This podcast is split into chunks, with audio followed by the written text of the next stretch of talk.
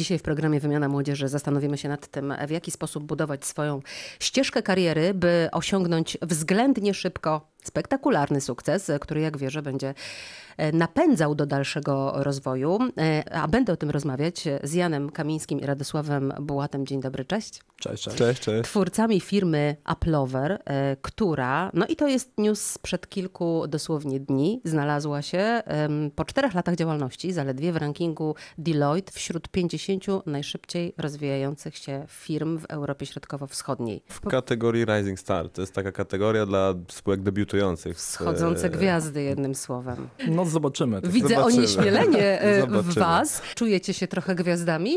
Nie, właśnie, Radek? tak szczerze mówiąc nie. E, To onieśmielenie rzeczywiście jest. Ja tutaj może też przytoczę taką anegdotkę z gali. Też zostaliśmy na samej gali poproszeni o wyjście, tak naprawdę po odbiór statuetki. E, No i prowadzący pan Jarosław Kuźniar zadał nam pytanie, nie byliśmy na to kompletnie gotowi. Pytanie brzmiało, ile waży marketing? I tak jakby moje onieśmielenie spowodowało to, że byłem w stanie odpowiedzieć tylko jedno słowo, oj.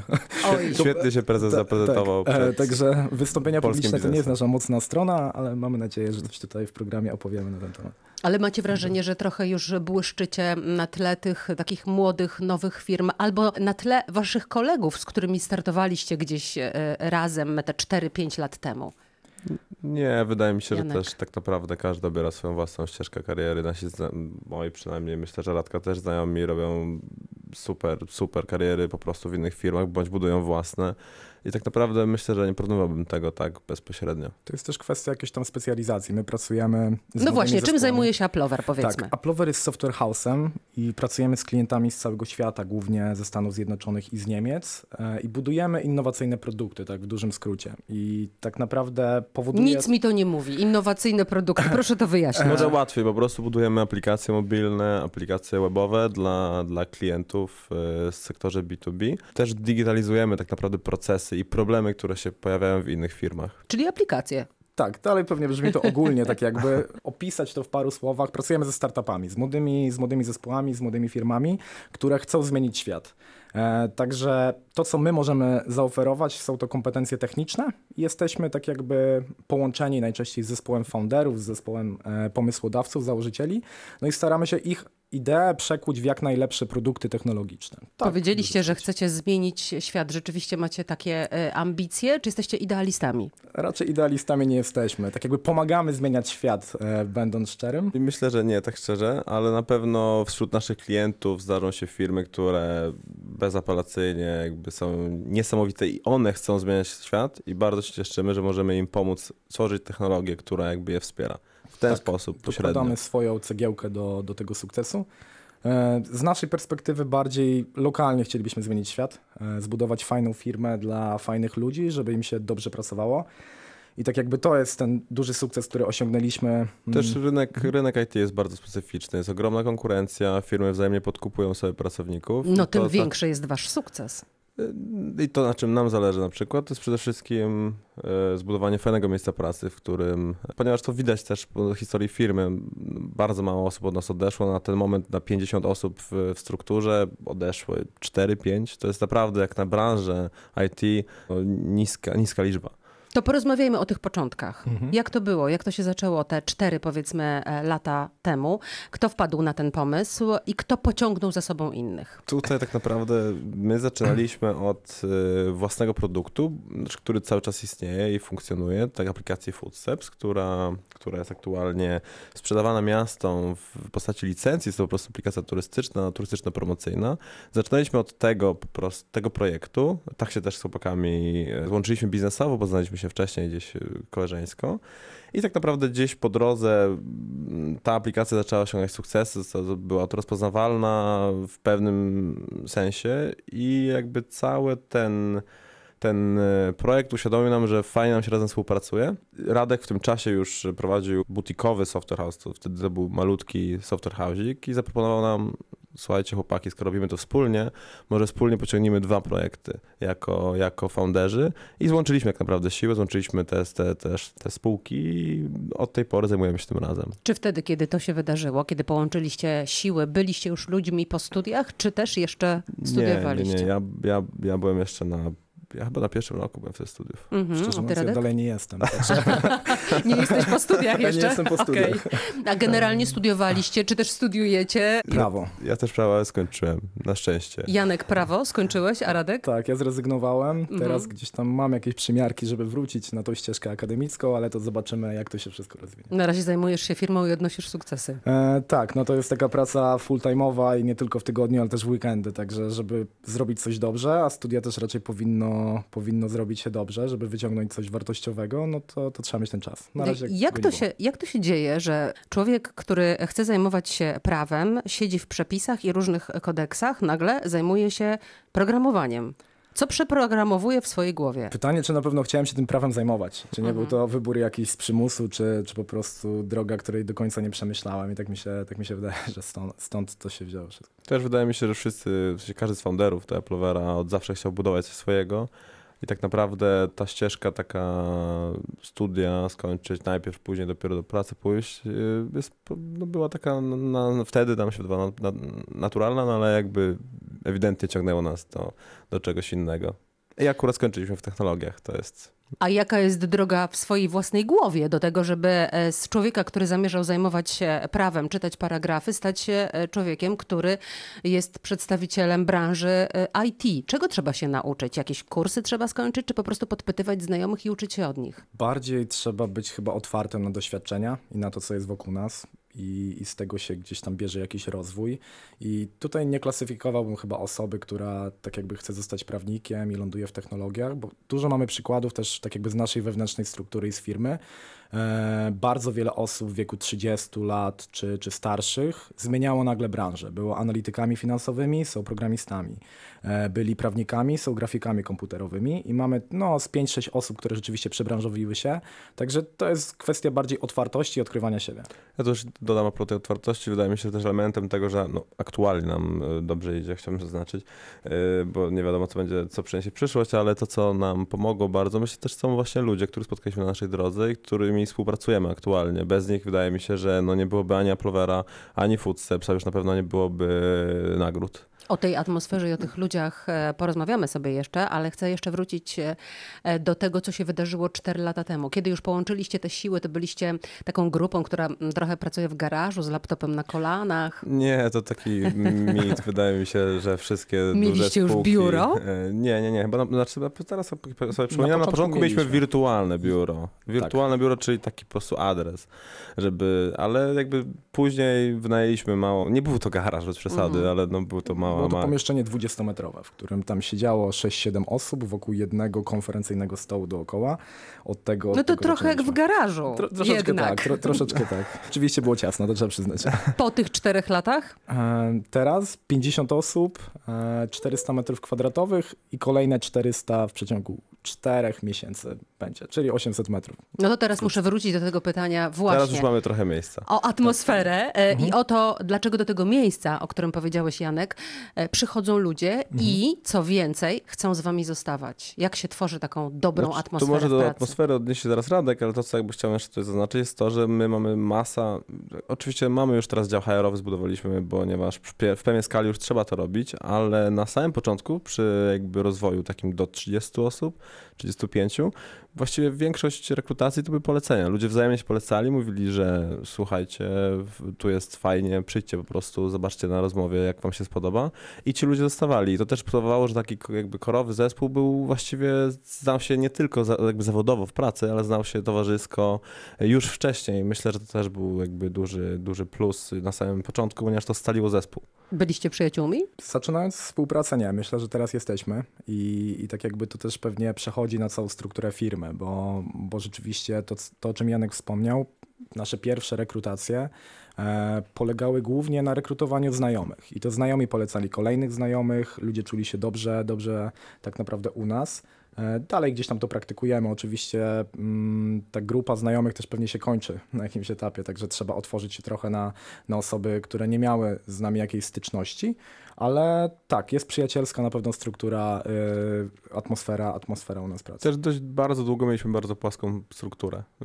Co to znaczy płaską? Płaską znaczy nie, nie wprowadzaliśmy, no, mówi się C-level management albo no, dyrektorów, y, jak działów, nie, jakby nie, nie było tego. Znaczy właściwie to teraz nie ma. Powiedzmy, że wy jakoś, jakoś y, skrystalizowali się liderzy naturalni, którzy przejęli pewne, pewne jakby aspekty i części y, w firmie, ale bardzo długo naprawdę mieliśmy, mieliśmy tę płaską strukturę, mówić turkusową lub, lub, lub płaską i wydaje mi się, że to też było fajne, bo jakby to powodowało, że no wszyscy czuli się, że budujemy coś wspólnie. Mhm. I nie baliście się szefa. Mhm. Nie, nie. Do tej pory nikt się nie boi szefa, jeżeli chodzi A o... kto jest szefem? No Znaczy, właśnie- Radosław jako pełniący funkcję prezesa oczywiście formalnie.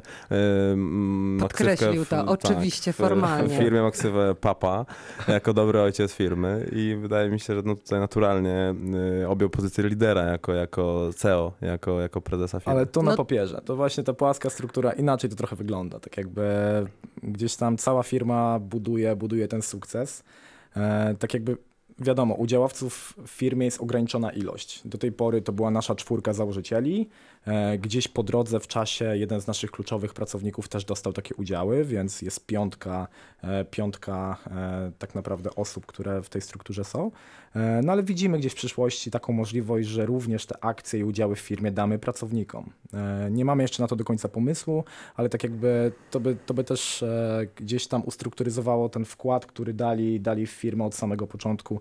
No i mam nadzieję, że, że przekujemy te plany. Papę muszę zapytać jeszcze w takim razie o, o jedną rzecz, bo ważne dwie rzeczy tutaj powiedzieliście. Pierwsza to taka, że mm, mieliście tą turkusową strukturę, tak? Czyli trochę bardziej byliście przyjaciółmi aniżeli szefami i pracownikami. W związku z tym, e, jak wybrać spośród przyjaciół nagle lidera, szefa e, i sprawić, by ci, którzy tymi liderami, szefami nie zostają, nie czuli się e, odosobnieni, nie czuli się zagrożeni? Zanim Radek odpowie, tylko wejdę w słowo, wydaje mi się, że my też bardzo naturalnie te kompetencje podzieliliśmy na bazie naszych mocnych i też złych stron, bo to, jest, to jest, też jest istotne. No, jesteśmy otwarci na dialog. To, to nie jest tak, że każdy ma aspiracje, żeby być liderem. To, to też tak jakby różne, różne cechy powodują to, że każdy widzi swoją rolę troszeczkę inaczej. To się gdzieś tam naturalnie raczej podzieliło, nigdy Ale nie to było... znaczy pytałeś ich, słuchaj, czy ty dasz radę pociągnąć ten projekt, chcesz być liderem, czy... Tak, no, no ogół pytaliśmy, tak jakby to też wychodzi teraz. W tym momencie przechodzimy troszeczkę, zmieniamy tą strukturę z płaskiej, żeby jednak dodać takie zarządzanie w całej firmie i my nie rekrutujemy ludzi z zewnątrz, nie szukamy liderów na zewnątrz, tylko tak jakby widzimy, kto, kto się sprawdzał i pytamy, pytamy po prostu osób u nas, czy nie, nie widziałyby siebie w takiej roli.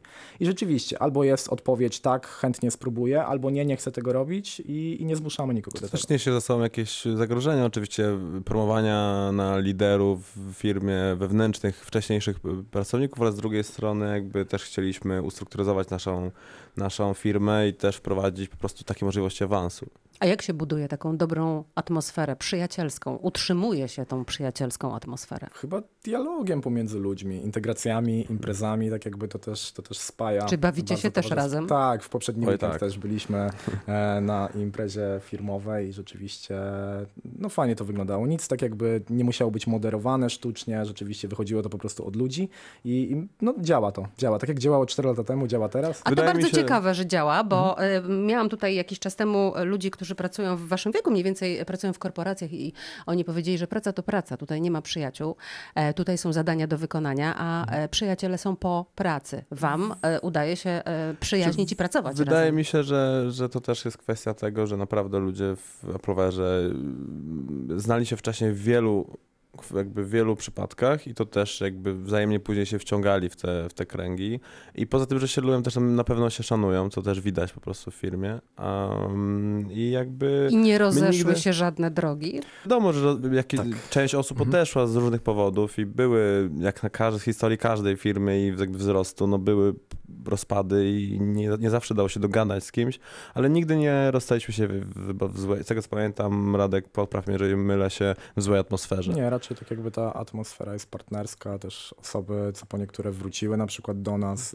No cztery osoby chyba same, same poodchodziły z naszej Tak. struktury, my też parę osób zwolniliśmy w czasie. Też wydaje mi się, że w IT trzeba pamiętać Mhm. o tym, że rynek przewrocławski jest mały i naprawdę jest duża szansa, że gdzieś kiedyś w przyszłości się jeszcze spotkamy, dlatego Mhm. wydaje mi się, że trzeba po prostu traktować się partnersko. Radio Wrocław. Radio z Dolnego Śląska. Wszystko fantastycznie brzmi. I wasz sukces, i to, jak budujecie e, firmę, i to, że się przyjaźnicie. Problemy muszą być. Jakie były? Z czym było wam się trudno zmierzyć i co, na czym zjedliście zęby? Oj, na początku tak jakby chyba największym naszym zaskoczeniem i tutaj troszeczkę biliśmy się z tym przez pierwszy rok działalności, była kwestia płynności finansowej. My nie mieliśmy na samym początku żadnego inwestora, żadnego zewnętrznego kapitału, sami to Też nie finansowaliśmy. mieliśmy żadnego kredytu ani obrotowego, czy to właśnie. Tak, i był bardzo duży problem w momencie, kiedy projekty przeciągały się, a były na przykład źle wyceniane, albo, e, albo klienci nie płacili. I to był dla nas szok, jak można faktur nie płacić, e, a rzeczywiście trzeba wynagrodzenie przesłać pracownikom. I to też jest, był taki moment, że walczyliśmy z tą płynnością przez parę miesięcy, e, ale nadal, tak jakby zespół nie opuściły nas osoby, gdzieś tam był, był ten dialog, była informacja, z czego to się bierze. Zespół widział też, że te problemy są, że je mamy, no ale. Czyli o tym też otwarcie rozmawialiście. E, No nigdy Tak. nie ukrywaliśmy tego po prostu. Też to tak myślę, że to widać po prostu po firmie, widać po, po founderach, po, po, po tym, co się. No wiadomo, rozmawiamy ze sobą, więc to, to było jasne. I też wydaje mi się, że ta transparentność spowodowała, że ludzie wręcz zwarli szeregi, żeby wspólnie dowieść projekt na przykład, żeby ta faktura jednak spłynęła. Gdy patrzę na was, to widzę e, od razu dwie silne osobowości i trochę nie dziwi mnie to, że założyliście firmę i ona mm, daje sobie radę na rynku, ale silne osobowości też się ze sobą ścierają. Szczerze, bywa, bywa czasami. Teraz, teraz pewnie są takie momenty, że się ścieramy, tylko na ogół to jest mm, no, też jakaś rozmowa, wymiana argumentów i tak jakby przez tą płaską strukturę troszeczkę mamy tak jakby w swoim DNA e, podejście do rozwiązywania problemów nie poprzez demokrację i głosowanie większością, czyli trzech na jednego chociażby, czy tam dwóch na dwóch i, i gdzieś się ścieramy, tylko staramy się podejmować decyzje całą czwórką założycieli. Bardzo często wciągamy to w też innych pracowników, którzy pomagają nam podjąć decyzję. Tak, mamy taką zasadę, że trzeba przekonać większość, tak, nie większość, a wszystkich, e, żeby, żeby podjąć jakieś kluczowe, kluczowe tematy. Także Ale tam jest Też oczywiście 50 uznaliśmy, ludzi że- i rozmawiacie z 50 Nie, nie, tu bardziej chodziło Radkowi, myślę, że chodziło o takie kwestie jakby zarządu właścicieli, takie decyzje stra- strategiczne z perspektywy firmy, E, ale oczywiście w tych mniejszych kwestiach też no, konsultujemy to zawsze z pracownikami, no bo to w większości wypadków akurat ich najbardziej dotyczy. Macie biura też w Nowym Jorku.